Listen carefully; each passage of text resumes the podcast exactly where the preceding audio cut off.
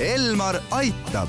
Elmar aitab saate toob teieni pereoptika, kogu pere prillipood tere, head kuulajad, eetris on Elmar Aitab ja me räägime täna kuivasilma sündroomist. mina olen Ingela Virkus ja koos minuga on stuudios pereoptika juhatuse esimees Jaan Põrk. tere! pereoptika optometrist Laura Tõnav. tere! ning äh, silmaarst Kristina Kala. tere! no mis see kuiva silma sündroom siis täpsemalt on, et mida see endast kujutab?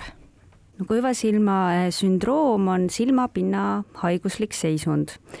Äh, mingil põhjusel on silmapinnal paiknev pisarakile kahjustunud ja seetõttu inimesel tekib silmades kuivus, mis omakorda põhjustab siis erinevaid kaebusi ja kokkuvõttes põletikku silmapinnal ja inimesel enamasti tekivad kaebused kui levinud mure see on äh, eestlaste seas näiteks?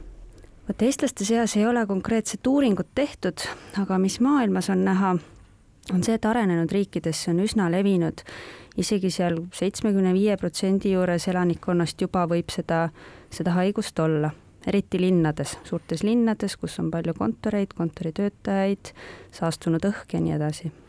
nii et, et võime nimetada kontoritöötajate viiruseks aga miks see siis ikkagi tekib, et kas sellel on mingisugune selline soodumus või?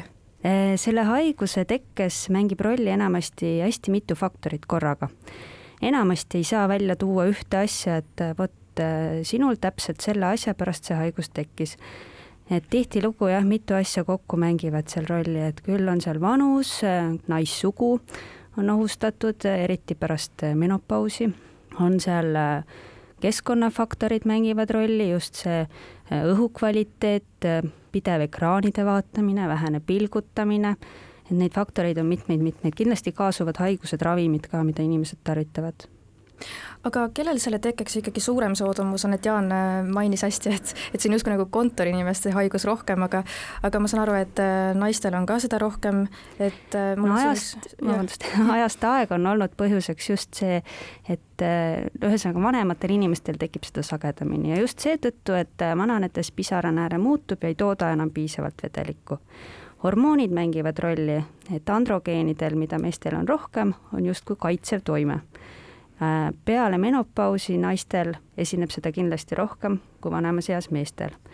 nii aga... et, et need on tegelikult äh, ealised iseärasused, aga lihtsalt kõik see äh, tuuleõhk, konditsioneerid, sinine valgus, see kõik on jälle soodustav asjaolu, nii et, et siin kõik see mõjub kompleksselt just, et tänapäeval on tekkinud palju uusi faktoreid, mis, mille tõttu seda haigust aina enam tekib et täpselt äh, see, mida Jaan praegu mainis, et, et need faktorid on juures ja seetõttu see haigus on liikunud aina nooremate inimeste sekka ja üha enam praegu siin koroonaviiruse pandeemia ajal on tegelikult suuremaks probleemiks ka selline maski kandmise kuiv silm. kuidas see maski kandmine siis täpsemalt silmi mõjutab? Äh, kui ei kanta maski korralikult äh, näo ees, ehk siis ei vajutata teda ümber nina, siis see tähendab seda, et äh, kõik see õhk tuleb tegelikult, mis nii-öelda siis suust välja, tuleb otse silmade peale, põhimõtteliselt nagu konditsioneer. aga kuidas seda kuiva silma sündroomi või probleemi siis ikkagi ära tunda, et mis sellest probleemist märku võivad anda? kuiva silma sümptomiteks on näiteks punased tundlikud silmad, selline kraapimis- või hõõrumistunne silmades, ka tegelikult suurenenud pisarate vool. Äh, nägemisteravuse muutumine, eriti kui ta paraneb peale pilgutamist. Aga millised võivad olla need tagajärjed, kui selle kuiva silma probleemiga ei tegeleta, et mis siis silmaga võib juhtuda või nägemisega? No siis äh, võivad tekkida äh, juba sellised kahjustused, mis on nägemisele ohtlikud.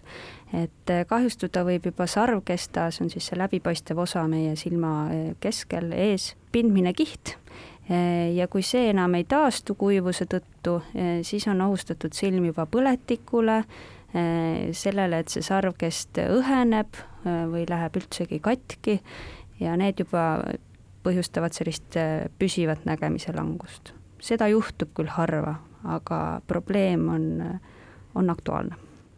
Aga siinkohal me täna lõpetame, kuid jätkame juba homme kell kaksteist nelikümmend viis. Elmar aitab. Elmar aitab saate toob teieni pereoptika, kogu pere prillipood